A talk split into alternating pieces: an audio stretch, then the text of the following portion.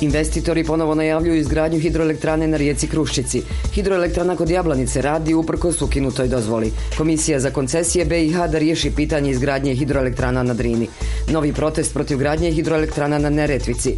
Parlament Federacije BiH, zakon o izgradnji mini hidroelektrana i dalje na čekanju. BiH država s najmanjim postotkom zaštićene prirode u Europi. Rijeke Bosne i Hercegovine u cijevima malih hidroelektrana. Braneći rijeke, branimo život.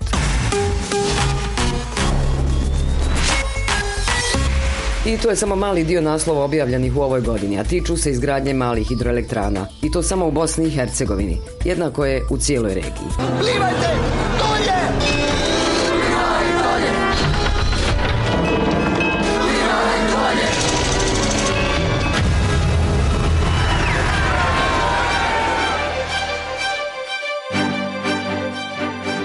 I tako se na hiljade ribica u filmu Potraga za Nemom spasilo iz ribarske mreže. U udruženim snagama plivale su prema dole, polomile mehanizam i pokidale mrežu u koju su uhvaćene.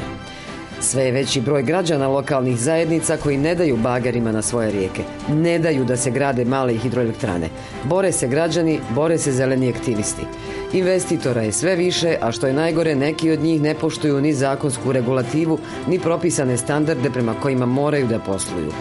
Ima tu mnogo toga upetljano, sve ono zbog čega najviše i pate građani zemalja regije. Lijevom nogom, ne dalje od vlastitog nosa, desna ruka, lijevi džep. Nemam dokaz, ali imam pravo na literarnu slobodu. Saznaćemo kasnije kakve su razlike u mini hidroelektranama, šta su feed-in tarife, zašto za rijeke regije baš ni jedna mini hidroelektrana nije dobra, pa onda o zakonskoj regulativi, kako se mogu pomiriti ekonomija i ekologija, gdje su uopšte granice prekopavanja javnog dobra. Govorit ćemo o odbrani rijeka, hrabrim ženama Kruščice i zašto samo žene. Ja sam Lilo Omeregić-Ćatić, ne diraj mi vodu. Ovo je podcast Radio Slobodna Evropa, zaviri ispod površine, ZIP. Za spas rijeke Kruščice traje više od četiri godine. Hrabre žene Kruščice, kako ih svi zovu, 500 dana i noći čuvale su svoju rijeku od investitora i njihovih bagera. Nažalost, 2017. kada su formirale živi zid i nisu se makle na zahtjev specijalne policije, ta policija je reagovala silom.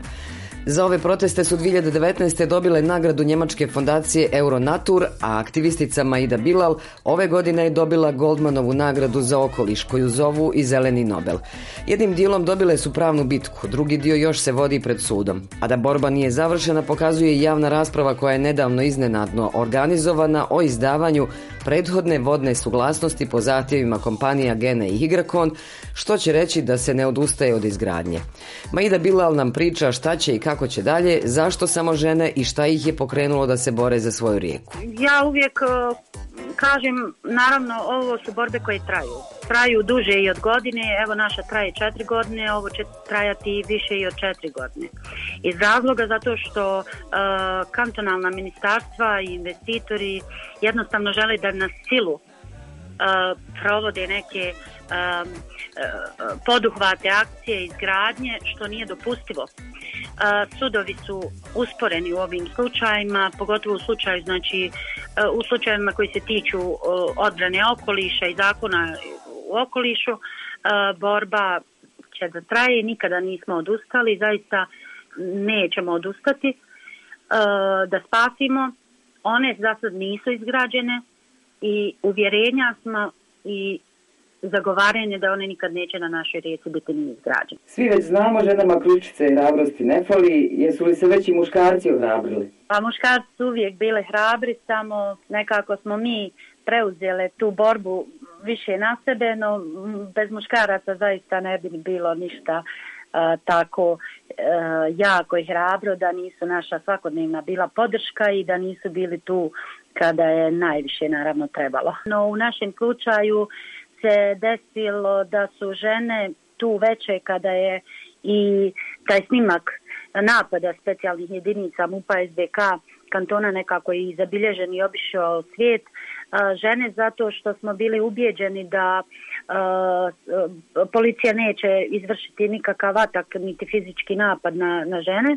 Bojali smo se naravno da bi muškarci pružili otpor specijalnim jedinicama i da bi došlo do nekih nemilih događaja nekako smo eto o osjećali da, da, da, su, da bi žene e, subtilnije nekako bolje e, bile za, za razgovor i pregovor u, u našem slučaju. Međutim, pri, uh, nismo imali priliku da pregovaramo, ne razgovaramo, odmah su uh, pristupili akciji i eto desilo se to što se desilo tog 24. 8. svijestu. Nije bilo milosti ni prema ženama, da. Ne, ne, pogriješili smo u procjenama mm-hmm. izgleda. Ma i da svojim protestima ohrabrili ste i brojne građane drugih lokalnih zajednica u BiH ili u regiji da ne daju svoje blago, svoje rijeke. U današnje vrijeme nekako je teško ljude pokrenuti jel, da štite opšte dobro koje je i njihovo lično, jel, tako bi nekako trebalo i gledati na te stvari. Koja je vama bila inicijalna kapisla kad ste krenuli u ja lično sam se pokrenula zato što zaista najviše volim svoje mjesto u kojem živim, u kojem sam rođena i odrasla. E, moja je sreća također što imam uspomene e, iz tog boravka na rijeci, tog mog prekrasnog djetinstva. Ja također imam e, dijete i ono nije te sreće kao, kao ja da bezbrižno odrasta uz rijeku, eksperimentujući i istraživajući sve one nekako ljepote koje idu uz djetinstvo. Nije to više rijeka mog djetinstva, 30 godina na, do danas, jel, ovo pogotovo poslije ratno vrijeme i naša šuma, to je ogromna Kruščička planina, nelegalna sjeća šume i užasno uništavanje šumskog resursa dovelo je jel, do smanjenja i, i vodnih resursa, ali i sami građani koji su 9 km uz rijeku nisu se baš ponašali svo ovo vrijeme uh, odgovorno prema uh, ovom resursu. Uh, tužna sam iz razloga zato što naše izgleda šume i rijeke u Bosni često budu divlje deponije. Lični nekako motiv je i to ja želim zaista svoje dvorište uredno i lijepo, zeleno. Isto tako ponašanje želim da reflektujem i kada iziđem iz svog dvorišta i želim da i moje dijete i druga djeca i svi ljudi naravno te javne resurse shvate onako lično kao da je to njihovo vlastito dvorište.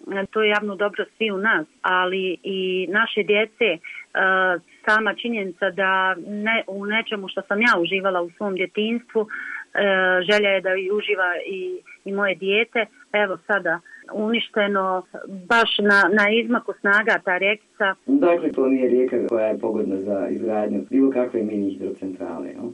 Ne može čovjek da pojmi kako je nekom moglo i pasti na pamet, jer to zaista nije rijeka kapaciteta uh, za izgradnju dvije mini hidrocentrale i planirani dodatni četiri. Za ove DL uh, su i, i krenuli investitori da ih, da ih prave i napadaju našu rijeku. Međutim, naša su saznanja da ih je ukupno šest u čitavom ovom toku. Zamislite na, na biološkom minimumu da, da pravite nešto što, što uništava samu rijeku, ali i čitav taj biodiverzitet koji gravitira od, od tog dijela gdje je prva planirana pa svih tih Zamislite šest, svi ti prilazni putevi, rovarenje, betoniranje. Zamislite koji je to ekocid na, na tako malom prostoru.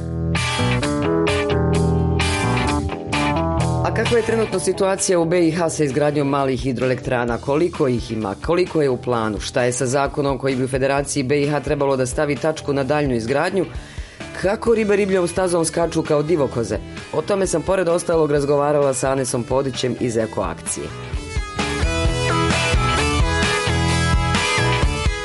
koliko ima izgrađenih malih hidroelektrana u Bosni i Hercegovini i da li one sve narušavaju ekosistem, pa i one koje, mm-hmm. pretpostavljam da ih ima, koje od A do Ž poštuju slovo zakona i zaštite prirode? Do sad ih je pušteno u pogon 115. U procesu gradnje ili raznim fazama pripreme, planiranja je njih preko 340. Prema najavama sami investitora njih bi na kraju, ako bi im se dopustilo da izgrade sve što su namjerili, bi moglo biti preko 600. A što se tiče poštova, poštovanja našeg vrlo skromnog zakonskog okvira zaštitu prirode, na papiru sve izgleda dobro, međutim kada, od, kada posjetite e, onda možete vidjeti suha riječna korita, možete vidjeti cijevi postavljene u kanjone, u netaknute kanjone rijeka, možete vidjeti vodozahvate na kojima postoje riblje staze na kojima riba mora biti divokoza da se popela gdje je kontakt živog svijeta između jednog dijela rijeke i drugog dijela rijeke potpuno prekinut. Mi nismo do sada naišli niti na jednu malu hidroelektranu gdje je život nastavio da živi kao prije njene izgradnje. Sve su poremetile živi svijet e, na mjestima gdje su izgrađene. Znači nema potrebe da pominjemo uopšte pojedinačno ovaj, koja je najveći problem napravila kada je ekosistem u pitanju. Mislila sam to da vas pitam. Dakle, ili ima nekih primjera koji su baš onako ekstremno loši? Primjera ima, jer e, što je veća vrijednost e, rijeke, što je, ono, što je više netaknuto područje, to je pričanjena šteta veća.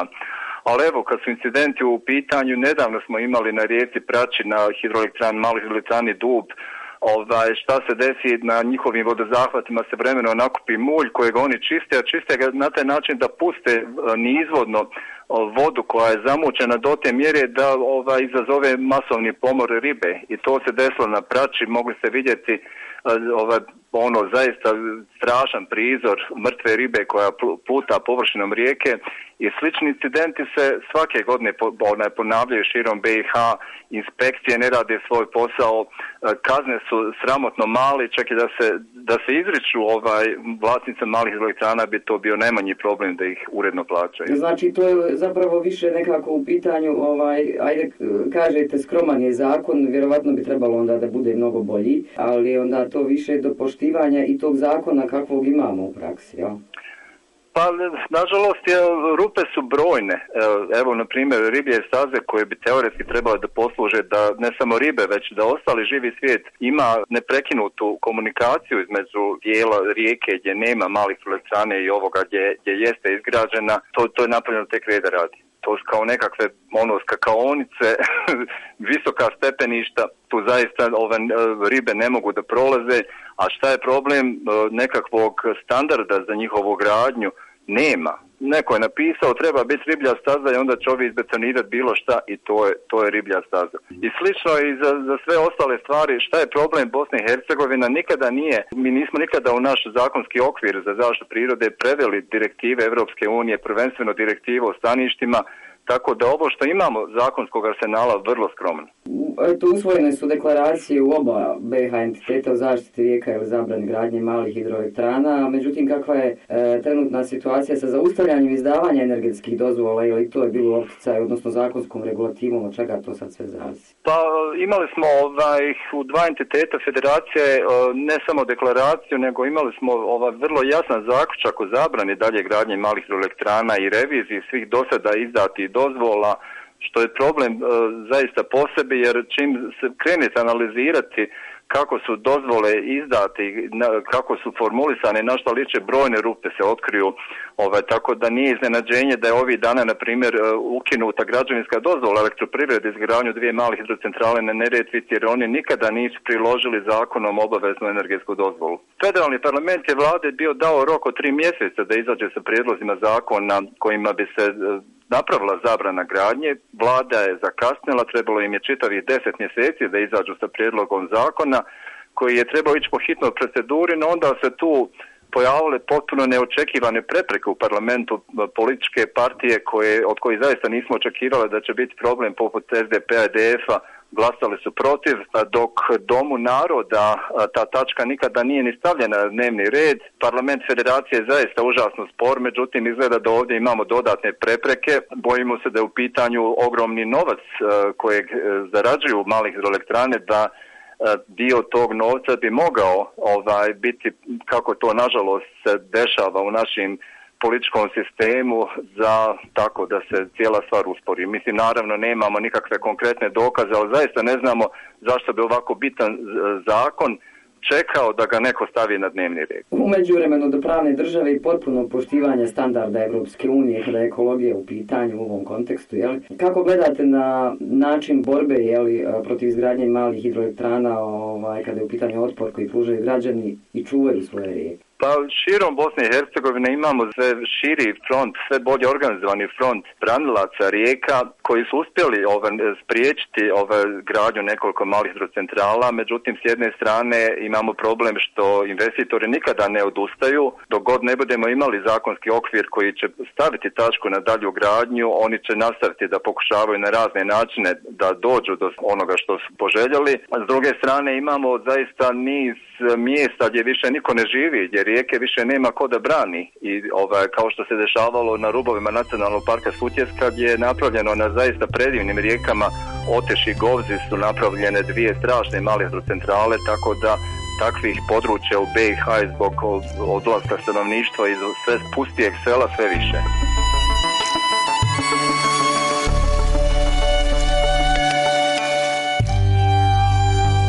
A evo sada čujete po kojem principu rade derivacione mini hidroelektrane i na koji način negativno utiču na ekosistem. Tok reke ili planinskog potoka se pregrađuje branom. Voda se zatim sprovodi u cevi. Kroz cevi voda se dalje sprovodi do turbine. Turbina pretvara mehaničku energiju vode u električnu energiju. Struja se zatim uvodi u elektromrežu dok se voda ponovo vraća u rečni tok. Izgradnja male hidroelektrane utiče na ceo ekosistem, na biljke, životinje i ljude. Kada se reka pregradi i uvede u cevi, menja se prirodni tok reke ili potoka, a u njemu ostaje nedovoljno ili vrlo malo vode da bi opstale biljke i životinje.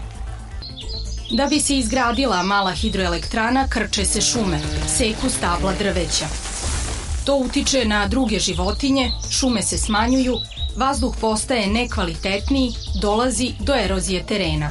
Prilikom izgradnje male hidroelektrane često nisu obezbeđene takozvane riblje staze, koje omogućavaju ribama i rakovima da se slobodno kreću radi ishrane i mresta lokalno stanovništvo ostaje bez izvora vode. Možete kod nas na stranici slobodnaevropa.org i pogledati taj snimak kako rade mini hidroelektrane derivacionog tipa, a sad možda se i ne očekuje jer su ove vrste komunikacije nekako svedene na minimum, a ne bi trebalo tako da bude. Imam i drugu stranu ove priče. Razgovaram s jednim od investitora u malu hidroelektranu, a to je Amer Jerlagić, inženjer elektrotehnike i energetike, bivši direktor elektroprivrede BiH, a već nekoliko godina je vlasnik jedne derivacione mini hidroelektrane na rijeci Kozici u Busovači, Srednja Bosna. I savjestan je investitor, kaže...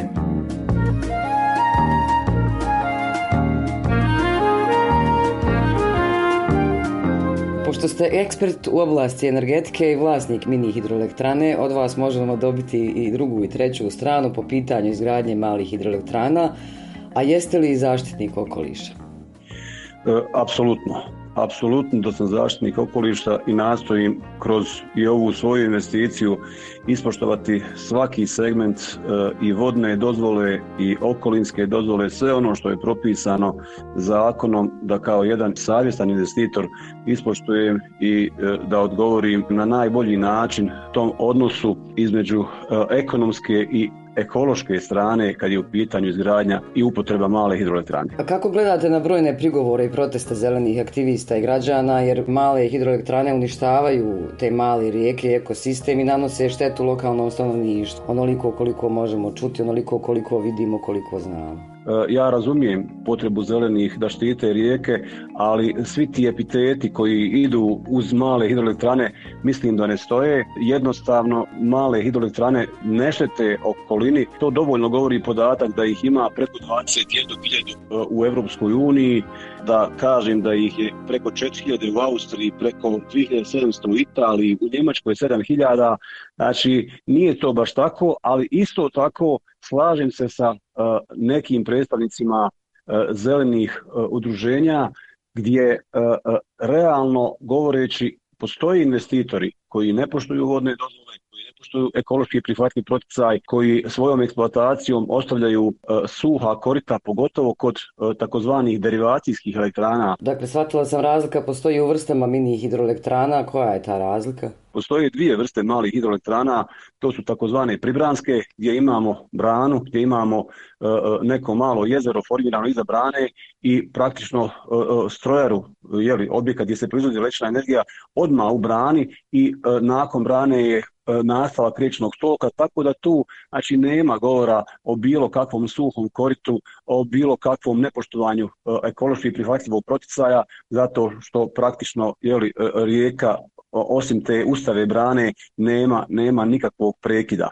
Dok kod takozvanih derivacijskih malih hidroelektrana gdje imamo vodozahvat tako, takozvanog tirolskog tipa. Evo sama riječ tirolski tip znači ukazuje da je to negdje gore u Tirolu, u Austriji, u Italiji, u tom dijelu i nastalo praktično e, tu se voda zaustavi malom branom, e, uvodi se e, na vodozahvatu u cjevovod i nakon cjevovoda koji može biti pola kilometra, kilometar ili, ili tri kilometra dovodi se do strojare i ponovo se kompletna voda vraća u riječni sistem kod tih elektrana pojedini investitori, kažem, e, znaju pogotovo u ljetnim mjesecima ne poštovati ono što je propisano e, vodnom dozvolom, okolinskom dozvolom, to je takozvani ekološki prihvatljiv proticaj, e, on je definisan normativima koliko to treba i mora da bude vode u tom dijelu korita od vodozahvata do strojare. I kažem neki investitori zaista ne pridržavaju se toga, a s druge strane onda predstavnici zelenih udruženja e, s pravom kritikuju investitore. I ja se zalažem da mi usvojimo evropske norme, da budu znatno rigidnije kazne za svakog investitora kome inspekcija nađe da ne poštuje okolinsku dozvolu, vodnu dozvolu, pa da to ide do te mjere rigidno čak i sa oduzimanjem koncesije. E, znači, A naravno, za takve stvari treba da se onda izmijeni i e, zakonska osnova, odnosno kaznene odredbe u zakonu o vodama e, Federacije Bosne i Hercegovine. I na taj način bismo napravili, pomirili bismo i ovu ekonomsku i ekološku stranu i, i to je put kako treba da zajednički štitimo naše rijeke, a ne da ju uništavamo. Međutim, kada već postoje podsticaj ovaj, za obnovljive izvore energije, zašto se više ne ulaže u druge obnovljive izvore energije, osim rijeka koje moramo sačuvati, imamo mi vjetar i sunce, čije korištenje nikome ne škodi? Pa znate kako je to? To je uh, otprilike kao kad bi sad uh, neko ko je završio tehniku rekli što se ne bavi sa ekonomijom. Postoje ljudi koji imaju interes da ulažu u hidropotencijale i tu su našli sebe i svoj interes. Uh, ako pogledamo posticajne kvote u Federaciji Bosne i Hercegovine, mi ćemo vidjeti i zadnjih kvota da je posticaj hidroenergiju uzet ćemo isti red elektrana, znači male hidroelektrane, nećemo uzimati ni mini ni mikropostrojenja, nego ćemo uzeti male hidroelektrane, male elektrane za svaku, i za hidro, i za vjetar, i za sunce, i za geotermalnu energiju, i za biomasu i vidjet ćemo da je posticaj na hidropotencijale samo 7% u odnosu na referentnu cijenu, dok je za iste e, vrste elektrana za vjetar 38,6%, za solarne elektrane 57,8%, za elektrane na biomasu je praktično preko 105%, a za elektrane na biogas je 168%. Sad vidimo znači da su posticaji za male hidroelektrane ubjedljivo najmanji, ali eto i uz takve posticaje postoji matematika, postoji mogućnost povrata investicije i jednostavno investitori žele da investiraju i u male hidroelektrane. Kažem, ne vidim tu ništa loše, ali treba da poštujemo sve ono što nam je zakon propisao, što su propisale vodne dozvole, okolinske dozvole i to je način kako, kako možemo zaštititi rijeku. Mala hidroelektrana neće napraviti štetu rijeci, ako poštujemo sve ono što je propisano i što su evropske norme i evropski propisi. Ako to radimo na neki primitivni način, da ne kažem balkanski, e onda može biti velika šteta za rijeke. Mora li se postaviti granice, ne, može se samo prekopa, ne mogu se samo prekopavati rijeke, betonirati, ne znam, nija ono... Za sada još uvijek granice nema. Postoje, e, kako sam rekao, za sve ove vidove obnovljivih izvora postoje pet nivoa, to su mikropostrojenja, to su mini postrojenja, to su mala postrojenja, to su srednja i velika postrojenja kad su u pitanju hidroelektrane. Malo investitora se odlučuje da pregrađuje neke male rečice, male potoke. Same brojke ovih 106 izrađenih malih hidroelektrana u Bosni i Hercegovini govori da se tu pretežno radi o, ovim postrojenjima malih i srednjih hidroelektrana, a ovih mikropostrojenja i mini postrojenja gotovo ni da nema. Da li bi trebalo postaviti granicu? Pa vjerovatno postoji neka intencija da upravo ova postrojenja poput mikro i mini postrojenja do 150 kW budu na neki način zaštićena jer zaista se radi o malim vodotocima i e, e, ako se bude ulazilo u neki meritum, ako se bude odlučivalo u tom smjeru i ako se bude tražio neki kompromis između ekologije i ekonomije, e, mislim da možemo govoriti o tim najmanjim postrojenjima gdje bi trebalo da bude neka granica. A da objedinim koliko se može pregled u cijeloj regiji o mini hidroelektranama, posljedicama, zašto je veća šteta od koristi, te ulozi feed tarifa za navalu investitora, pomogla mi je i objasnila dosta toga Pipa Galop, savjetnica za energiju za jugoistočnu Europu iz Bankwatcha.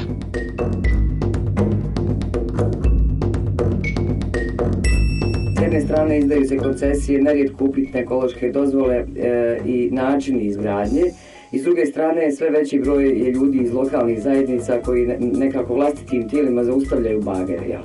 E sad, kako vi komentarišete tu navalu investitora na naše rijeke, kako otpor koji pružaju lokalne zajednice? E, taj naval je zapravo počela već 2006. godina, tada niko zapravo nije znao zato jer su izdali koncesije, tada još nisu nudili ove takozvani feed-in tarife, um, kak bi podsticali izgradnje. Tak da dugo je trajalo da su počeli zaista izgraditi te hidroelektrane i, i na kraju je se pojavio nekakav gotov čin. Uh, u svakoj zemlji regije su se pojavili na rijecima užasno puno tih takozvana malih hidroelektrana i ljudi su vidjeli svojim očima što to znači u praksi, da zapravo nisu tak mali da uništavaju rijeke pogotovo kad se izgradi ne, nekoliko u istom području i krenuli su borbe protiv toga. I dosta često su krenuli kad je baš bilo kasno, kad je izgradnja već počela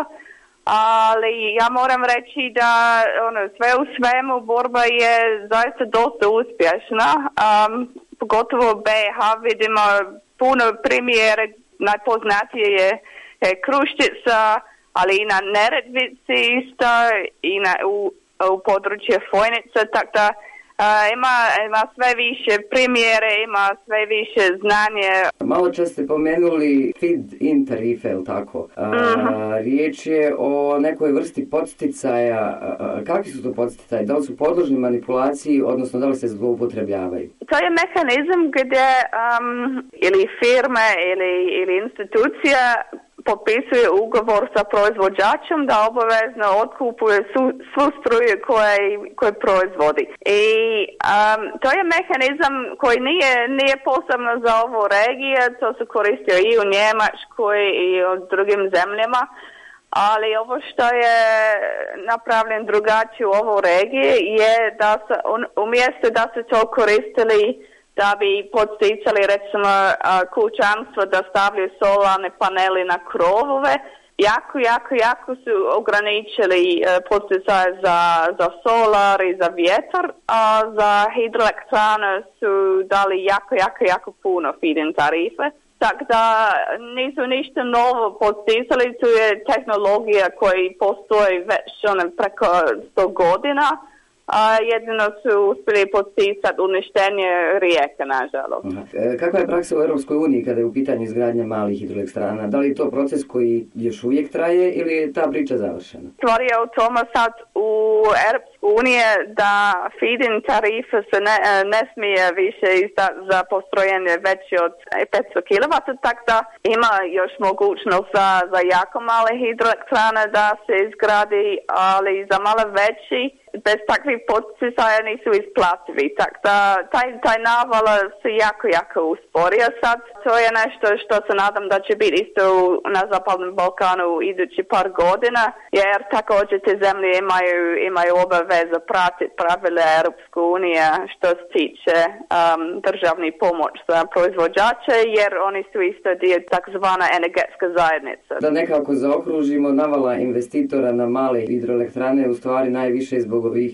feed tarifa. Apsolutno, da, da, da. Ja mislim bez toga ne bi bili isplativi. Ako bi se Mhm. ekološka studija uradila onako kako treba da se uradi i ako bi se ona ispoštovala do kraja i ako bi to bilo, ako bi se to radilo na rijekama na kojima se to smije raditi, e, da li bi onda mini hidroelektrane po svaku cijenu uništavale ekosistem? Pa u ovom regiji postoji zaista ogromna bioraznolikost, tako da tu u regiji ja mislim da, da rijetko postoji rijeka na kojoj bi se mogli izgraditi male hidroelektrane bez štete. Mogu zamisliti teoretske situacije u kojoj se može izgraditi hidroelektrana, a da, stvar bude prihvatljiv, ali ovdje u regiji je jako teško jer e, ima, ima se toliko tu zaštićena vrsta, na primjer potočni rak, bjelonogi rak, e, endemske vrste ribe, tako da ni- ništa od toga ne može zaista preživjeti izgradnje male hidroelektrane. Dakle, u svakom slučaju je veća šteta od koristi. Apsolutno, pogotovo za male hidroelektrane nema, nema dilema, mislim, eh, mi smo napravili eh, studiju gdje smo našli da 2018 godina u cijeli zapadni Balkan male hidroelektrane su proizvodili svega 3,6 posto električne energije u regiji. Zaista je uništenje bez svrha. Imate li podatke o tome, ako imate konkretne primjere iz Bosne i Hercegovine i zemalja Zapadnog Balkana, gdje je na- nastala najveća šteta po ekosistem? Znamo da su više od 500 malih hidroelektrana izgrađeni na, na zapadni Balkan. To je za ovo područje zaista jako puno. Najviše su izgrađeni upravo u tim najosjetljivim područjima, u planinama gdje ima najviše rijeka koji su bili netaknuti prije. A što se tiče konkretno studija, jedan od velikih problema s tim uh, izgradnje je da se jako često ne napravi studiju utjecaja na okoliš prije što su izgrađeni. Tako da dosta često je, je teško znati točno što je nestao kad su izgrađeni, ali imamo mi neki primjeri gdje, gdje se jasno vidi da je voda puno lošije kvalitete sad nego prije izgradnje.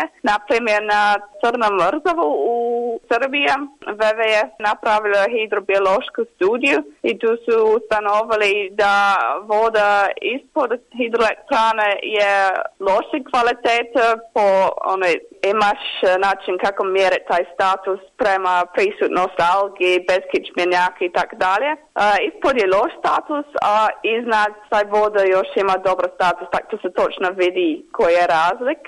Također smo mi napravili studiju u Brajčina rijeka u, u Makedoniji gdje se vidi utjecaj, e, prije je tamo bila prespanska patrva koja je endemska vrsta, jako rijetka, jako važna, a sad na taj područje gdje su te dvije hidroelektrane izgrađeni, tog više nema koliko smo mi uspjeli naći. Tako da e, ima, ima jako, jako ozbiljni posljedice za životinje, ali ima i za cijeli okolni ekosistem, često se svjetska šuma zbog izgradnje te pristupne ceste, ima i problema za lokalno stanovništvo, jer ona ima egzistencija doslovno ovisi na tome.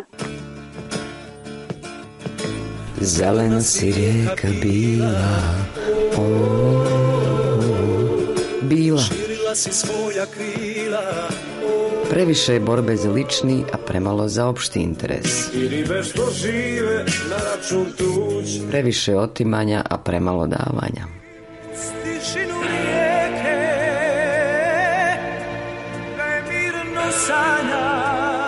Ako ovako nastavimo, teško u tišini rijeke, možda u tišini suhog korita. Dobro, priroda je savršena pa se može samo obnoviti, ali možda odluči da u tom obnavljanju više ne uvrsti čovjeka kao njen sastavni dio. I kapak. The end. Plivaj, samo plivaj. Ok, ok, plivam, plivam. Pa naravno, samo plivaj dalje, jer... Valja nama preko rijeke mi, ako me razumijete, draže je da se čovjek izbori za sve to nego da se priroda počne, a nije da već nije počela, za svoj spas boriti sama. Jer onda se baš naljuti. A ako se naljuti, bojim se da više nećemo imati ispod čega da zavirimo. Pošto do toga neće doći, jer ja, a ja sam Lejla Omeragić-Ćatić, još vjerujem u dobru stranu čovečanstva, nježnost prirode, male sive ćelije i hrabro plemenito srce.